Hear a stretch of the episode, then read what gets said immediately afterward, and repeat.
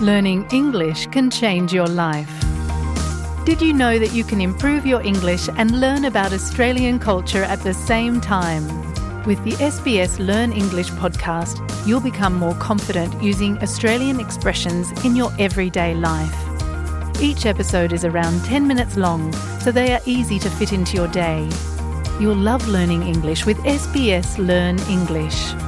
Listen wherever you get your podcasts. أنتم برفقة إس بي إس عربي 24 اكتشفوا المزيد من القصص العظيمة على sbs.com.au arabic. يتوفر في أستراليا في الوقت الحالي حوالي 50 ألف عقار للإيجار في جميع أنحاء البلاد. قبل عامين كان هذا الرقم الضعف تقريبا. مع الانخفاض الكبير في معدل العقارات الشاغرة للإيجار أصبح العثور على عقار في الوقت الحالي أصعب من أي وقت مضى. حلقة جديدة من دليل الاستقرار يقدمها لكم ريان برهوم. يجب أن يؤخذ البحث عن عقار للإيجار في هذا السوق الصعب على محمل الجد حاله حال مقابلة للحصول على العمل. هذه نصيحة غريك بادر الرئيس التنفيذي في واحدة من أكبر مواقع تأجير العقارات في أستراليا rent.com.au وهو يعي تماما حجم التحديات عند البحث على عقار للإيجار. some agents and, and, landlords prefer not to have young people, um, some preference families. But with people coming in from overseas, there's a couple of extra barriers there. There's a whole bunch of information that a real estate agent generally requires, whether it's proof of income, employment, etc. But one of the most important ones is rental history. So if you've newly arrived in the country, you definitely won't have that from a local sense.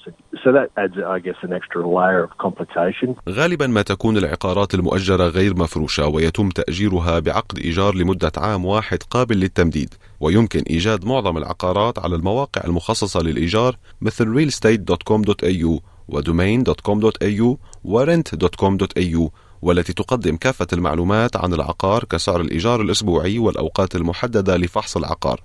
ومن المهم أن تضع في اعتبارك أن أوقات الفحص عادة ما تكون مدتها من 10 إلى 15 دقيقة وتكون أكثر ازدحاما في عطلة نهاية الأسبوع منها خلال الأسبوع. ويوجد أكثر من 80 ألف وكيل عقاري في جميع أنحاء أستراليا ومع ذلك فإن خطوات التقديم للحصول على عقد إيجار مختلفة حسب الوكيل العقاري كما يوضح السيد غريغ We don't have uniform rules or legislation across the entire country, but typically you're going to need some photo ID, passport, driver's license, etc., proof of employment and income, maybe Australian bank account showing you've got some money in there that can cover the costs, letter of reference from previous landlords and renting history is a big one, character references. So they're the normal things that are required.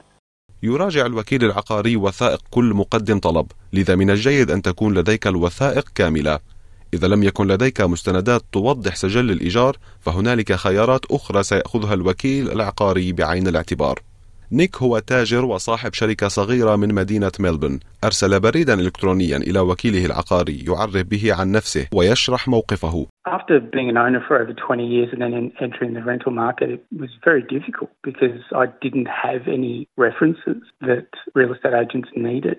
I proved to them I was viable by just giving them financial and making them understand that I needed to rent after a long period of time and convincing them that I was a worthwhile risk. يدير نيك شركته الخاصة. لذلك كان قادرا على تقديم الإقرارات الضريبية كدليل على الدخل.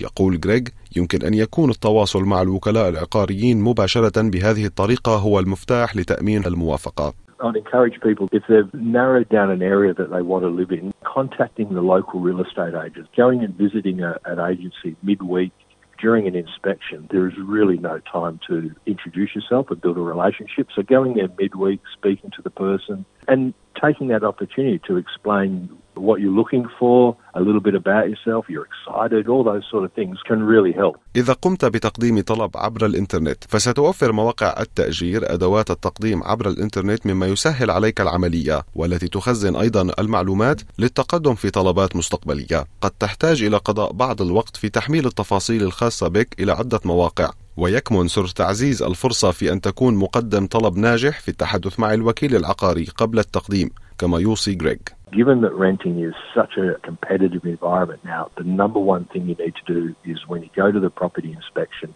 you ask the real estate agent what is their preferred way of you applying because the typical agent will get applications from multiple different sources, ranging from someone that's emailed, someone that's phoned, someone that's applied online. So just check with the real estate agent, and that way you can be assured that you're at least in the list to be considered. استأجر نيك عقاره التالي دون اللجوء إلى الإنترنت بعد أن تغيرت ظروفه تحدث نيك مباشرة مع وكيله عن حاجته للانتقال إلى عقار أكبر The brilliant part was that the owner had another property that suited me and I was able to move to that one. So that was a really, really positive situation for me. Didn't really think of it at the time as being something that was possible, but it was a question I asked and that question was a really good one. لم يتم الإعلان عن عقار نيك الحالي المؤجر مطلقا لأنه أصبح متاحا بمجرد اتصاله بالوكيل يوافق غريغ على أن هناك بدائل للبحث على الإنترنت If you start looking at some of the other more common social media sites,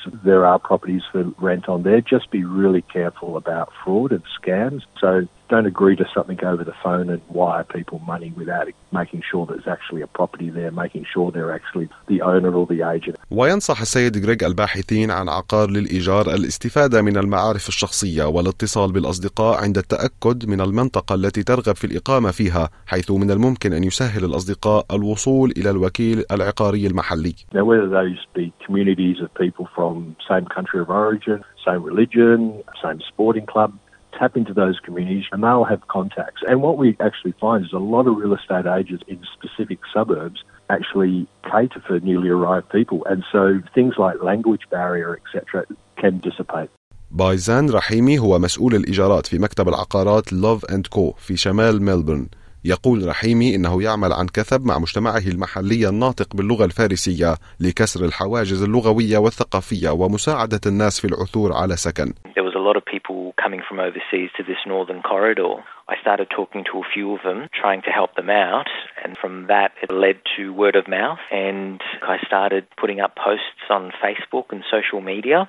And so there's these communities that are all Persian set up. They're all written in Farsi, and people who are newly arriving, they're posting things about what they're looking for. تربط بعض الخدمات المجتمعية مثل Adult Multicultural Education Services أو ما يعرف ب AIMS السيد رحيمي بالوافدين الجدد الباحثين عن سكن. I get a phone call just about every couple of days from someone new.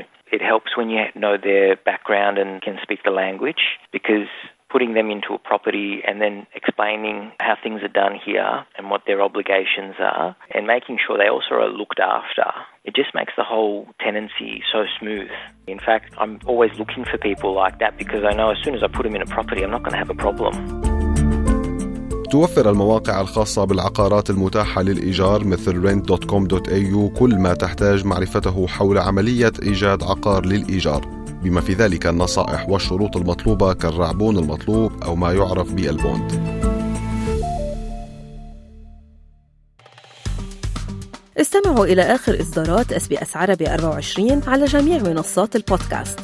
تابعوا بودكاست الهوية في موسمه الثاني الذي يروي قصصا واقعية تعكس تحديات الانتماء التي يواجهها الشباب العربي في أستراليا.